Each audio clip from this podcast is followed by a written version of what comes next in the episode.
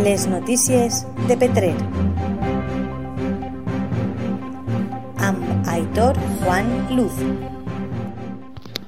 La regidoria de normalització lingüística de l'Ajuntament de Petrer ha repartit 2.700 cartes de Reis en els col·legis de Petrer enmarcant la promoció del valencià com a llengua de la comunitat.